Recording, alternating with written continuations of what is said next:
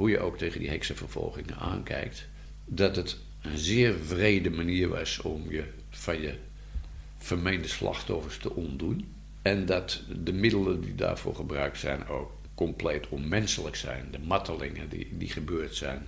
De dood in het vuur, dat is een van de vreselijkste manieren om uh, te overlijden. Bedoel, iedereen weet wel uh, wat je voelt als je je eventjes verbrandt. Je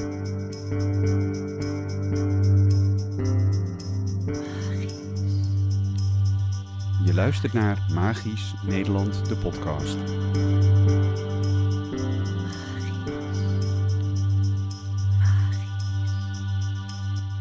Ruud Borman is vandaag weer onze gast en met Ruud praten we vandaag over een van de zwarte bladzijden uit onze geschiedenis, de heksenvervolging. In 2015 verscheen bij uitgeverij Fantastisch Verleden zijn boek Toverij en Toveressen, achtergronden van de heksenvervolgingen in Nederland. Ruud, welkom. Dank je. Um, het boek dat jij hebt geschreven over de heksenvervolgingen, waarom eh, heb jij destijds besloten om over dit thema een boek te schrijven? Ja, dat is niet helemaal spontaan ontstaan. Dat, is, dat kwam ik eigenlijk al enige tijd steeds weer tegen. In andere boeken, andere uh, zaken. En elke keer had ik dan het idee van, daar moet ik eens een keer iets mee doen. Maar er waren al verschillende boeken over geschreven. En ik dacht, als ik er wat mee ga doen, dan moet het wel uh, bijzonder worden. En mijn insteek werd op een gegeven moment de vraag erover. Waarom is het gebeurd? En het hoe, hoe het gebeurd is, dat is wel redelijk bekend. Er zijn ook een hoop dingen niet van bekend. Maar het waarom, dat, dat intrigeerde mij. En daar ben ik toen ingedoken en heb ik allerlei materiaal over verzameld. Tot ik op een gegeven moment een punt had dat ik dacht: ja, nou, dit is stof genoeg om zo'n boek te gaan schrijven. Ik, ik weet even niet of er in Nederland veel literatuur over is. Of, of ben je ook uh, gaan schrijven omdat je dacht er is weinig over bekend uh, in de literatuur over hoe het er in Nederland aan toe is gegaan? Er is wel wat in Nederland geschreven. Uh, ik vermoed enkele tientallen boeken, even afgezien van allerlei wetenschappelijke werken.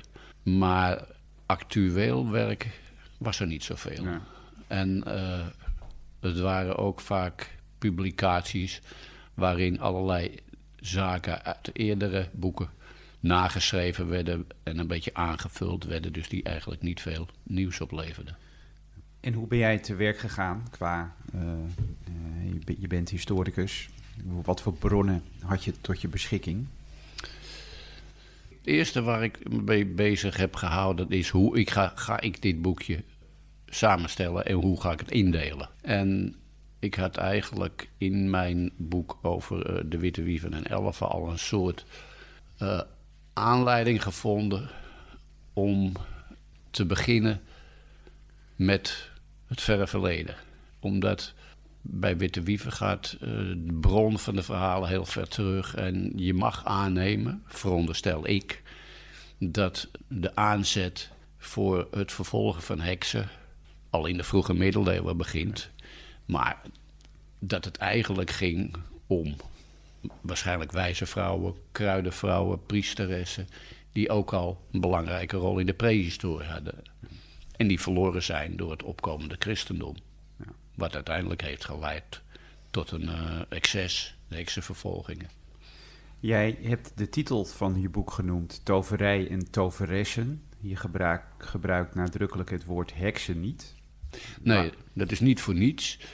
In processen, maar ook in allerlei manuscripten, wordt het woord heks tot 1600 eigenlijk niet gebruikt. Het wordt gesproken over toverij en over toveressen. En heksen de naam heksen duikt pas op in de 16e eeuw. Ik weet niet of dat iets te maken heeft met de reformatie, maar het zou kunnen. Je zegt dat, uh, uh, je noemde al even de, de witte wieven en elfen. En voor de luisteraars die dat nog niet hebben gedaan, de eerste aflevering van Magisch Nederland gaat over dit thema, witte wieven en elfen. En jij zegt, uh, er is eigenlijk al een link als het gaat om de, de heksenvervolgingen uh, met een periode uh, ver daarvoor al. Nou, niet in de zin van de vervolgingen. Wel om de vervolgingen die uiteindelijk ontstonden, omdat het om vrouwen ging die een ander leven leidden. Die vaak een beetje afgelegen leefden op plekken. Nou, deden witte vrouwen ook. Ze wat, wat het, uh, uh, de overeenkomst is, dat witte wieven later eigenlijk een beetje in een slecht daglicht kwamen te staan. Er waren spookvrouwen en het waren nevelslierten en die kwamen voor in mistwolken. En dat is een beetje vreemd, omdat Johan Picard, die voor het eerst over zijn 1660 een vrouw in een grafheuvel afbeeldt als vrouw zoals we een vrouw kennen. En niet als een nevelslier of iemand die in een mistwolk hangt. En Staring, die een paar honderd jaar later over witte wieven schrijft, heeft het ook niet over nevenslierten. Het, is een soort, uh, ja, eigenlijk verkeerd omgaan met het onderwerp. Het, is gedemoniseerd, als het ware. En uh, dat is uh, met de heksen ook gebeurd. Uh, dat, in feite heb je het waarschijnlijk over dezelfde groep vrouwen die altijd in de, in de, in de nederzettingen woonden, aan genezingen deden, kraam, uh, kraamvrouwen hielpen enzovoort. En misschien nog wel andere dingen. Maar dat was natuurlijk iets wat sinds de komst van het christendom eigenlijk helemaal niet mocht. Mocht niet gedaan worden door vrouwen. Want vrouwen moesten zich bij het, bij het aanrecht houden. Ja, dat hadden ze toen nog niet. Maar ze mochten niet uh, aan educatie doen. Ze moesten ook hun mond houden, zoveel mogelijk. En vooral niet actief zijn naar andere mensen. En mensen helpen, wat de geneesheren moesten doen. Maar die waren niet te betalen voor de gewone man en vrouw. Uit de beeldvorming van toveressen blijkt dat verre voorgangers of personen, goden, godinnen uh, uit de voorgeschiedenis die daarmee te maken hadden, een andere vorm kregen in de tijd wanneer de, witte, uh, de toveressen uh, vervolgd werden. En dat blijkt onder andere bijvoorbeeld eruit dat je had in het verleden godinnen, die waren natuurlijk ook later heidens, duivels. En die hadden een aantal iconen. Een ketel, een zwarte kat en nog een aantal van die dingen. Die iconen komen terug bij de heksen. Heksen hebben een ketel, hebben een zwarte kat en, en nog wat van die uh, paraphernalia. En later worden heksen zelf nog ander af, anders afgebeeld. Beugel is de eerste die heksen schildert die op bezemstelers zitten. Nou, de bezemsteel die komt uh, erbij, want de heksen die vlogen naar allerlei vieringen met elkaar. En daar was de duivel dan ook bij betrokken, dus dat was al helemaal niet pluis. En dan, uh, nou, dat is een bezemsteel, ze konden op een bezemsteel. Door de schoorsteen Er zijn heel wat schilderijen en tekeningen over gemaakt. Dat, is, dat zijn uh, manieren om iets in een kwaad daglicht te stellen. En het blijkt ook uit de latere sprookjes. Want wie is de heks? Hè? Of de, de, de, de toveres? Dat is een boze mevrouw. En die moze mevrouw heeft een puntmuts op, die heeft een knobbelneus waar allemaal puisten op zitten. En ze ziet er ook nog heel lelijk uit. Ja. In welke periode vonden de heksenvervolgingen plaats in Nederland? In Nederland vonden ze plaats van ruwweg, uh, nee, van 1472 tot ongeveer het begin van de 17e eeuw.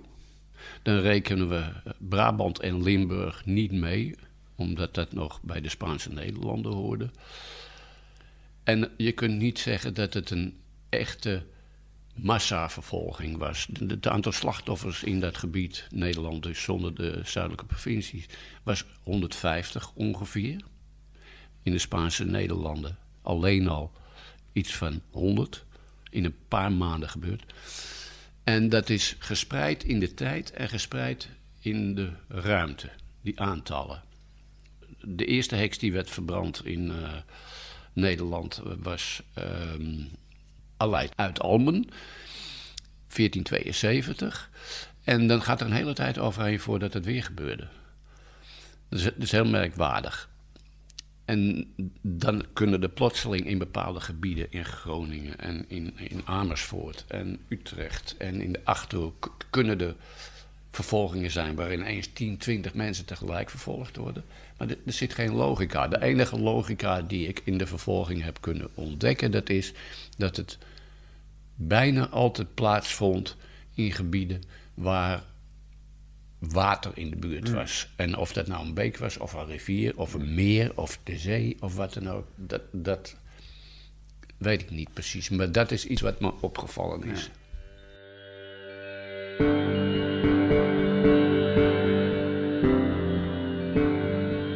Maar we moeten toch nog even kijken van, van waarom die vervolging, die vervolgingen opeens begonnen in die tijd. Nou, het is, niet helemaal opeens. Vervolgingen, eh, dat deed de kerk al aan eh, vanaf het moment dat ze eh, de macht echt hadden. En ook bezig waren met de echte kerstening van de mensen. Want aanvankelijk werden alleen de, de koningen en de adel eh, gekerstend. En dan geloofden ze het wel, want dan dachten ze nou, als die gekerstend zijn, is het volk ook wel gekerstend. Maar dat gebeurde natuurlijk niet, want het volk leefde gewoon door zoals ze altijd geleefd hadden. En bleven nog heel lang heidenen. Alleen kwamen ze daar gewoon niet echt vooruit. Het is een beetje begonnen in de Alpen. Het is overgewaaid naar Frankrijk en Duitsland. En het is uiteindelijk via Duitsland Nederland binnengekomen. Niet als een grote manifestatie, maar gewoon druppelsgewijs begon het. En die, eh, die kruidenvrouwen, die waren dus een doorn in het oog voor, voor de kerkelijke macht. Dat Ja. je eigenlijk te zeggen. Ja, want die, die werden toch gezien als vrouwen die eh, niet helemaal aan de regels hielden. Ook vrouwen die vaak alleen leefden, eh, soms niet getrouwd waren. En eh, die zich toch een beetje merkwaardig in de ogen van de bevolking soms gedroegen. En dat, over het algemeen ging dat gewoon goed en werden ze gewaardeerd door de mensen om zich heen. Maar als er dan iets gebeurde, een misoogst, een oorlog, een eh, watersnood. eh, en later kwam daar de, de kleine ijstijd nog bij. eh, dan werd er al heel gauw gewezen naar die vrouwen. Ja, die, ja, die is toch niet pluis. zou die niet iets op de kerfstok hebben? En, en weten we ook, kunnen we ook achterhalen of voor het christendom er dan bijvoorbeeld ook naar die vrouwen werd gewezen? Bij rampspoed of iets dergelijks. Er zijn geen bewijzen van in Want- ieder want, geval. Want het wijzen naar minderheden is, dat doen we vandaag de dag natuurlijk Ja. nog steeds. Ja, ik denk dat de, ook, ook vol- eh, volgens de Romeinen, die veel hebben vastgelegd, stonden de vrouwen en ook de wijze vrouwen, bij zowel de Germanen en Kelten, in hoog aanzien en betekenden heel veel. En waren ook eh, ja, zelfs eh, soms betrokken bij oorlogen. De, eh, vuurden mannen aan, maar soms vochten ze zelfs in de rijen mee van de mannen tegen de vijand. Dus de- we- zeer waarschijnlijk werden ze niet vervolgd of, of gezien als, als eh, eh, ja, dwaze moeders of vrouwen of wat dan ook. Maar eerder als eh, wijze vrouwen die, eh, ja, die ook eh, ja, het leven gaven. Zorgden dat het leven ontstond, dat de stam voort kon bestaan en belangrijk waren. Ze stonden ook eh, volgens die Kelten en Germanen eh, meer dan de man eh, in contact met, eh, hè, met het, eh, ja, de, hoe moet ik zeggen, de, de goden of de godinnen.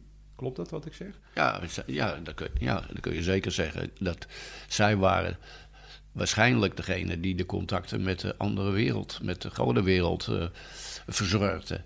En de rituelen deden en eh, de, de waarzeggers, wa- waarzegsters waren misschien. Of, of mensen begeleiden bij zaken die ze niet begrepen. Want eh, ja, de kosmos was natuurlijk eh, heel vreemd, kon gevaarlijk zijn. Onweer, eh, nou, whatever. En dan was er uitleg nodig dat iemand daarover ging vertellen. En het was natuurlijk ook ja, de seizoenen. En eh, zomers is er niks mee in de hand. Maar als het steeds donkerder wordt en het wordt midwinter... dan gaan mensen bang worden. En die worden, komt, komt, komt het licht wel weer terug? Kunnen we straks weer gewoon verder leven? Moesten als het ware moesten dan eh, ri- rituelen gedaan worden... En, en festiviteiten en zo. En daar waren vrouwen speelden daarbij een belangrijke rol. Mannen waarschijnlijk ook, maar vrouwen hadden toch wel waarschijnlijk het voortouw daarin. En ze hadden ook veel kennis van kruiden. En je noemt ook een aantal interessante dingen als het gaat om uh, hallucinerende stoffen. De vliegenzwam, ergot. Ergot is moederkoorn. moederkoorn en de, ergot is eigenlijk de Latijnse of wetenschappelijke naam die ervoor gebruikt wordt. En ergot is verrot gaan. Als het vaak lang heeft geregeld, dan gaat die, die aren van, van het, uh, vooral het roggen, roggen, die gaan verrotten. En dan, dan ja, kun je er niks meer mee. En dan zijn ze gevaarlijk. Dan, dan. Maar de wijze vrouwen die hadden ontdekt dat, dat moederkoorn ook gebruikt kon worden bij het opwekken van bevallingen. En ook voor uh, verdovingen. En ze wisten ook dat het een hallucinerende werking had. Maar ze wisten ook precies waarschijnlijk wat de dosering moest zijn. Want als je ook maar iets te ver ging, nou, dan, dan, dan kreeg je vreselijke pijn of, of je ging dood. En zij wisten waarschijnlijk, er zal natuurlijk ook wel eens wat mis zijn gegaan, maar ze wisten precies hoe je daarmee om moest gaan. En dat weten we ook uit die prehistorie, omdat er onder andere veel lijken zijn gevonden die in hun maaginhoud uh, ergot hadden, moederkoorn. En het is waarschijnlijk toegediend om ervoor te zorgen dat hun dood een beetje verlicht werd, omdat ze eigenlijk ja, zwaar hallucinerend waren en waarschijnlijk helemaal niet meer wisten wat er gebeurde. Ja. De vliegenzwam, eigenlijk een beetje hetzelfde verhaal. Vliegenzwam, uh, die, die, die is ook giftig als je die gebruikt ergens voor. En het, het is goed voor een aantal dingen. Dan uh, moet je heel goed weten welke dosering je gebruikt en hoe je die verdeelt. Je noemde net al dat uh, toen het christendom zijn intrede deed in de lage landen, werden eigenlijk eerst de stamhoofden gekerstend. En het gewone volk dat kon gewoon zijn ding blijven doen. Doorgaan met de heidense rituelen of het raadplegen van... Uh, niet openlijk, hè? Dat deden ze niet openlijk. Niet meer openlijk? Nee. Nee. Nee, dat kon ook niet, want dat, dat, dat werd steeds gevaarlijker om openlijk oude goden te gaan aanbieden of iets dergelijks. Want het is al onder Karel de Grote zo dat heilige wouden om worden gehakt. Dat staan de stenen die dienen voor, uh, als plek uh, heidense heilige plek, uh, omgegooid moesten worden of vernield moesten worden. Of er werd een kerk bovenop gezet, dat kon ook. Maar in ieder geval moest het wel uit het, uit het blikveld van de mensen verdwijnen. Maar die mensen weer kenden die plekken natuurlijk wel. Maar op een gegeven moment vindt er toch een omslag plaats en besluit men toch om ook uh, ja, wat het gewone volk nog dan misschien een beetje in het geniep bedrijft om dat ook te onderdrukken? Hm. Of om dat ook uit te, uit te wissen? Waar, waar, waar komt die omslag vandaan? Nou, er zijn wel degelijk berichten, ook al uit de 9e eeuw, waarin geestelijke opmerkingen maken over ja, maar er zijn hier toch wel altijd mensen die heidense handelingen verrichten en, en dat is bekend en daar moet dus wat aan gedaan worden. Maar om de een of andere reden gebeurt dat voorlopig niet. En dat is mij niet bekend waarom niet, maar ik denk dat de kerk toch steeds meer kracht kreeg uh, of gezag kreeg over de bevolking. Daar hadden ze natuurlijk de adel als belangrijke bondgenoot bij. En als, ja, de een heeft het geld, de ander heeft, het, heeft de, uh, de religie. En mensen kunnen beïnvloed worden. Als ze een samenspel beginnen waarbij de kerk of de adel zegt van jullie moeten geloven, want anders krijg je geen huis meer of geen akkers meer of dan mag je niet, geen inkomen meer. Ja, dan is de keuze niet zo moeilijk.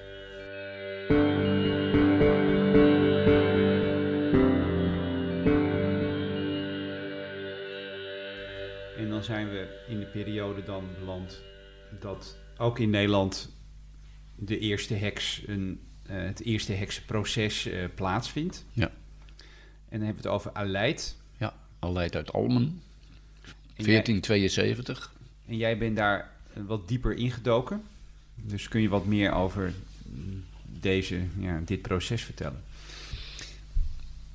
Er is weinig van bekend. Er, zijn archiefstukken van geweest en de archiefstukken die lagen in Zutphen en die waren waarschijnlijk omstreeks 1500 al verband.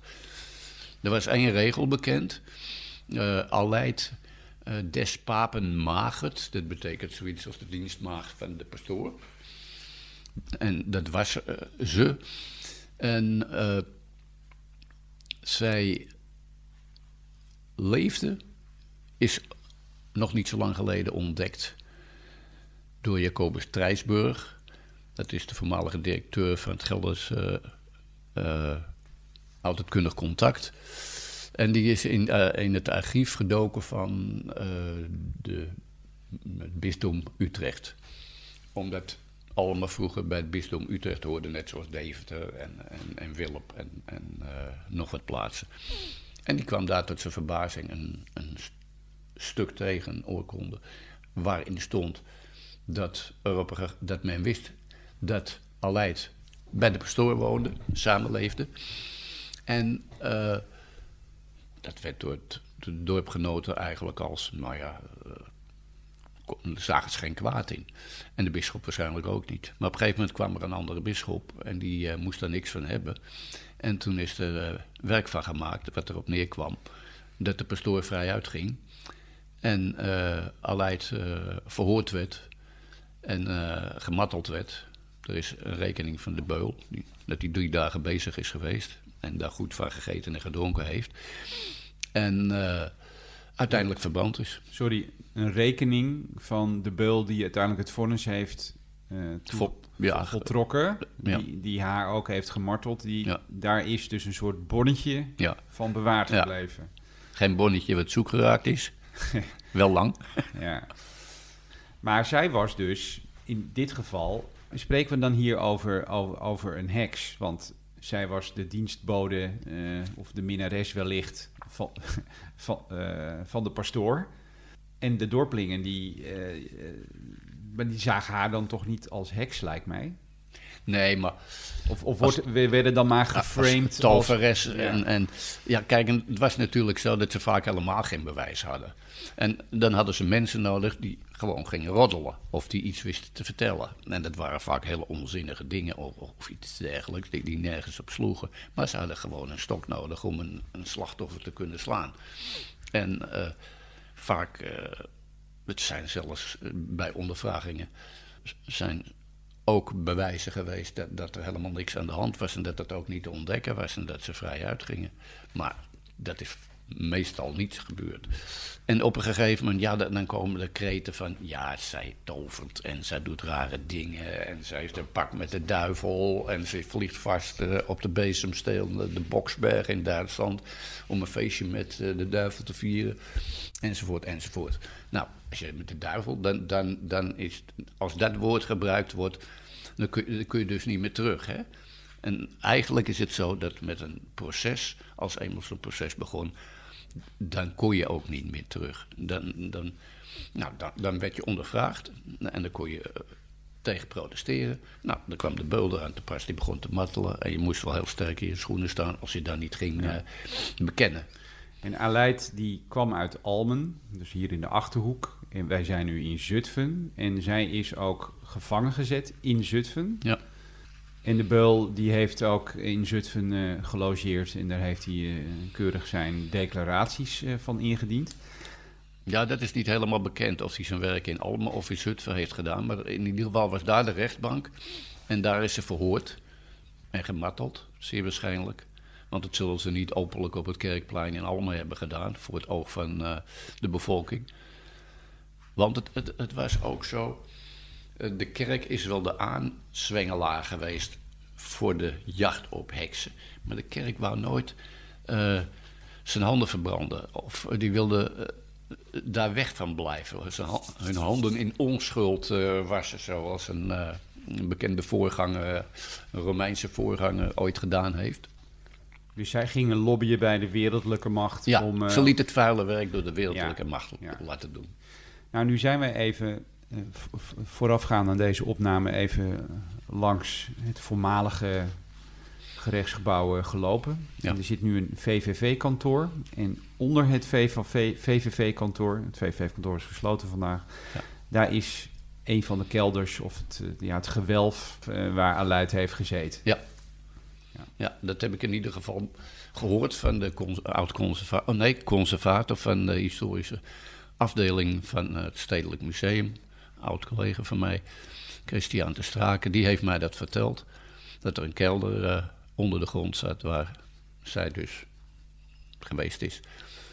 Nou, misschien moeten we toch maar eens. Uh, en we hebben verzoek voor een gedenkplaatje gaan, gaan indienen. Ja. ja. We hebben voor dat gebouw gestaan en uiterlijk is er niets aan te zien. Maar van Zutphen is bekend dat er bijna onder elk oud gebouw wel een middeleeuwse kelder zit.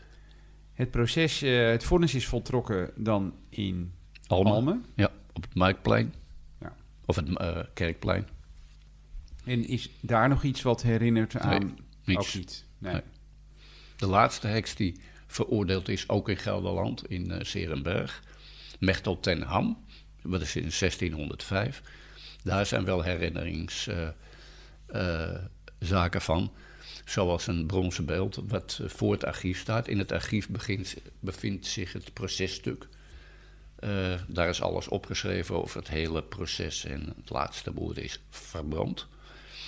En uh, er is verder, ja, dat bevindt zich dus ter plekke. Ik heb het gezien, ik heb het in mijn handen gehad. Oké. Okay. Dat is heel merkwaardig. Het leek wel of die mensen zelf een beetje twijfelden aan wat ze aan het doen waren. En dat klopt ook wel. Want wat, wat bedoel je daarmee? Nou, zij was niet aangewezen door mensen als zijnde een heks. Zij, eh, er werd wel iets gekletst en dat vond ze vervelend. Toen is ze naar de eh, rechter toe gegaan heb ze gezegd... ik wil vrijgesproken worden van, van deze aantijgingen. Ja, en toen is er een balletje gaan rollen... wat zij zelf op een gegeven moment niet meer tegen kon houden. En uiteindelijk is ze toch veroordeeld en verbrand. En wat, wat, wat waren dan bijvoorbeeld die, die, die valse aantijgingen tegen haar? Nou, er, er was uh, één aantijging. Er was ooit een jongetje langsgelopen, die had door het raam gekeken. Toen had hij een man in de, in de kamer zien zitten. En toen uh, ging de deur later open en toen keek, keek dat jongetje naar binnen. En, die zag, en toen was er helemaal geen man. Nou, dat soort merkwaardige dingen van een kind die iets zegt. Maar de gemeente Serenberg heeft dus een ooit besloten om dit wel te, te herdenken of te gedenken met, met, met, een beeldje. Er is ook nog een rotonde. En daarop zit een uh, metalen of een bronzen, ook een bronzen uh, beeld, maar dan van een heks op een beestensteel. Oké. Wonderlijk dat, dat zij dat dan wel doen en in Almen. En... Want ze hebben bij het kasteel ligt ook een stenen plaat. Er heeft een of andere dichter heeft daar een soort uh, ja, ode ingegraveerd aan alle uh, Mechteltenham. Ja. ja, dus we hebben hier een vrouw die de roddel en achterklap zat is naar ja, de, de wereldlijke macht gaat en zegt: uh, Nou, ik wil nu een uitspraak, want ik, ik ben er helemaal klaar mee. Ja. En eindigt uh, op de brandstapel. Ja. Bij dat proces zit een arts, Johan Wier. En hij gaat, ik denk toch wel, een, een, een belangrijke rol spelen in, in, in het een beetje het omdraaien misschien van de beeldvorming over deze vrouwen. Kun je, kun je daar wat meer over vertellen? Ja, Johan Bier was eigenlijk de eerste die een kritisch geluid liet horen over de hersenvervolgingen. Hij vond het verkeerd. Hij was van mening dat uh, deze vrouwen, de vrouwen die van hekserij werden beschuldigd, dat die aan hallucinaties leden.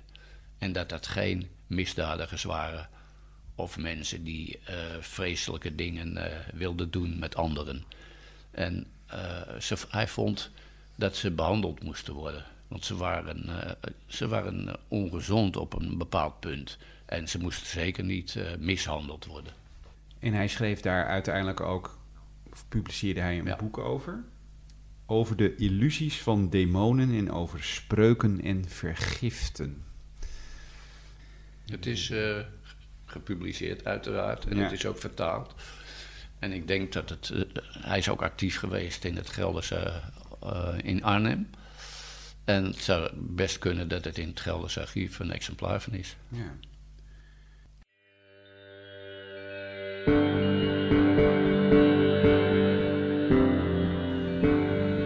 Je schrijft ook, Ruud, dat er meer heksenvervolgingen waren op plekken waar er sprake is van een natuurlijke vochtige omgeving. dan bijvoorbeeld op hoge zandgronden. Kun je, daar, kun, je daar, kun je dat even uitleggen? Nou, ik weet niet of ik het kan uitleggen, want het is een hele voorzichtige veronderstelling. Maar het, het, een feit, het is een feit dat op, op de echte droge zandgronden dit soort uh, vervolgingen vrijwel niet plaatsvonden. En uh, een aantal uh, plekken en gebieden waar heksenvervolgingen wel plaatsvonden, waren bijvoorbeeld Groningen en de provincie Groningen, de oostelijke achterhoek, Amersfoort, Utrecht en zo nog wat gebieden. Ik denk dat in die eenzame gebieden, waar iedereen nodig was om in, die, in zo'n uh, landelijke economie te kunnen overleven. Uh, het niet gauw zou gebeuren dat, dat mensen elkaar gingen aanklagen. Bovendien, de instrumenten waren niet voorhanden. De, de, rechtbanken die zaten in de grotere steden. De, de, de, juristen zaten ook in de grotere steden. En daar zal eerder daar zullen mensen eerder iets hebben aangekaart dan op het platteland, waar iedereen iedereen kent en, en achterklap ook zich heel erg tegen je kan keren. Dat was ook zo, hè? Als iemand werd vals werd beschuldigd en dat werd bewezen, dan werd de persoon zelf uh, vervolgd. Als iemand vals werd beschuldigd. Oh, oh, oké. Degene die iemand vals beschuldigd werd vervolgd, als dat werd aangetoond, zelf beschuldigd. En dat kon ook tot de brandstapel leiden. Dus daar moest je wel mee oppassen. Op een gegeven moment komt het toch in Nederland gelukkig uh, ten einde. Ja, dat, dat is eigenlijk een vrij logische uh, reactie op wat er gebeurd is. Want je zit op een gegeven moment zo aan het begin van de Gouden Eeuw, dus de 17e eeuw. Uh, Nederland wordt een heel ander land, in ieder geval het westen van het land. En, en er is ontzettend veel handel met de wereld. Eh, er komen heel veel wetenschappers en kunstenaars en, en, en allerlei andere lieden komen naar de grote steden toe. Er ontstaat een heel ander beeld van denken over dingen.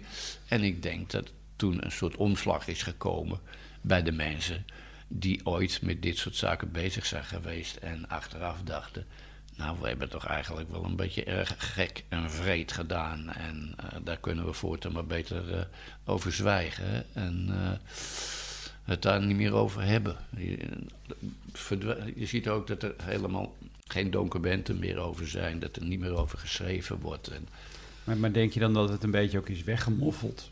Nee, niet echt weggemoffeld. Maar er, er ontstond gewoon een maatschappij waar daarvoor geen plaats meer was. Dat, er was een ook een, maatschappij met veel wetenschappen.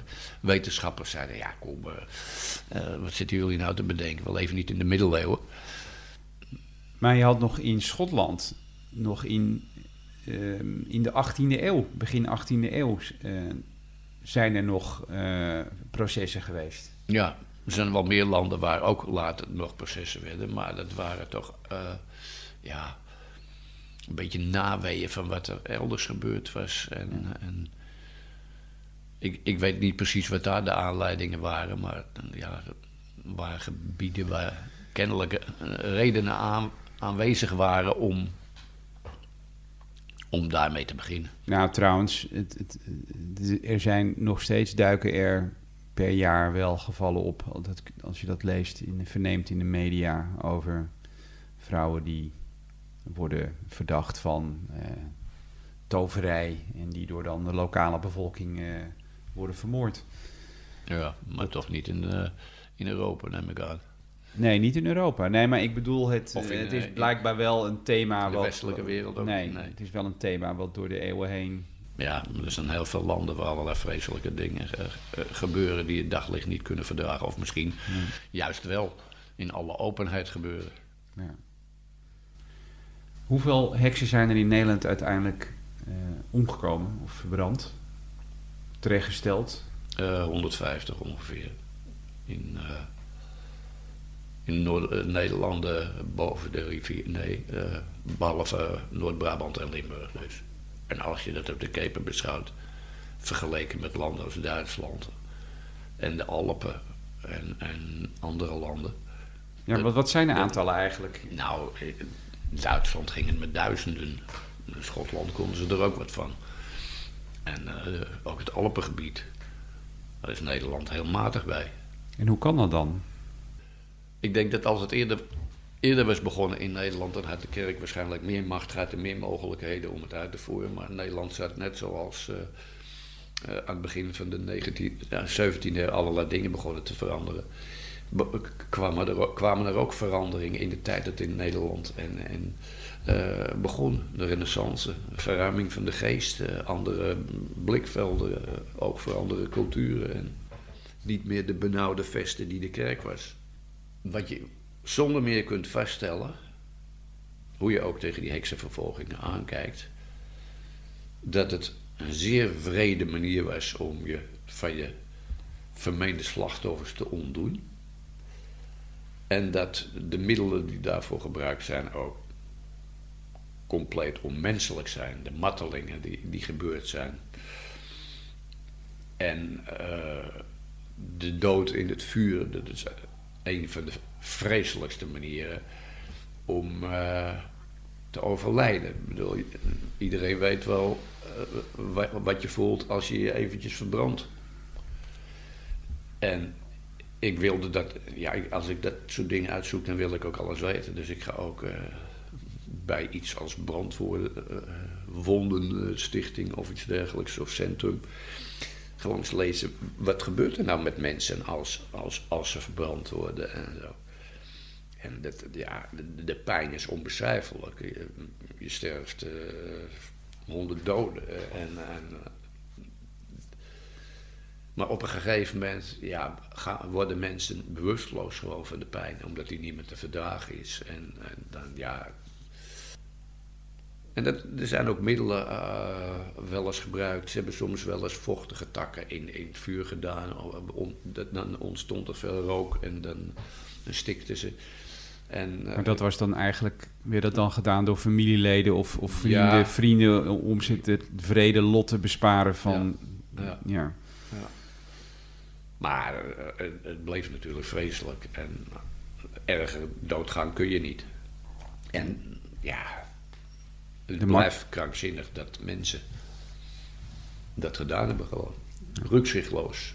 Mensen met, die, die vaak geleerd he, hadden, die uh, niet de domste waren. Ja, de beul was misschien dom, maar de rechters waren zeker niet dom. En de, de adellijke lieden die, of de, de bestuurders waren ook niet dom, over het algemeen. Dus het is gedaan door mensen die heel bewust uh, deden wat... Uh, iets deden waarvan ze wisten dat het fout was. Ja, niet in, niet in de zin van dat, dat uh, de beschuldiging niet vaak. Want waarschijnlijk geloofden ze daar gewoon in, of helemaal niet. Of dat zal toch nooit bekend worden. Maar het is gewoon heel raar. En het is nog veel gekker dat mensen in massa's naar dat soort terechtstellingen gingen kijken. En soms, en waarschijnlijk gewoon een kind er ook nog meenamen. Om, om eens even te laten zien van dat gebeurt een beetje als je gek wordt of, of rare dingen doet. Al hebben we tegenwoordig ook een enorme hang naar dat soort dingen. Ja, ramptoerisme. Ramptoerisme, ja, precies. Fotootjes uh, maken van mensen die doodgaan.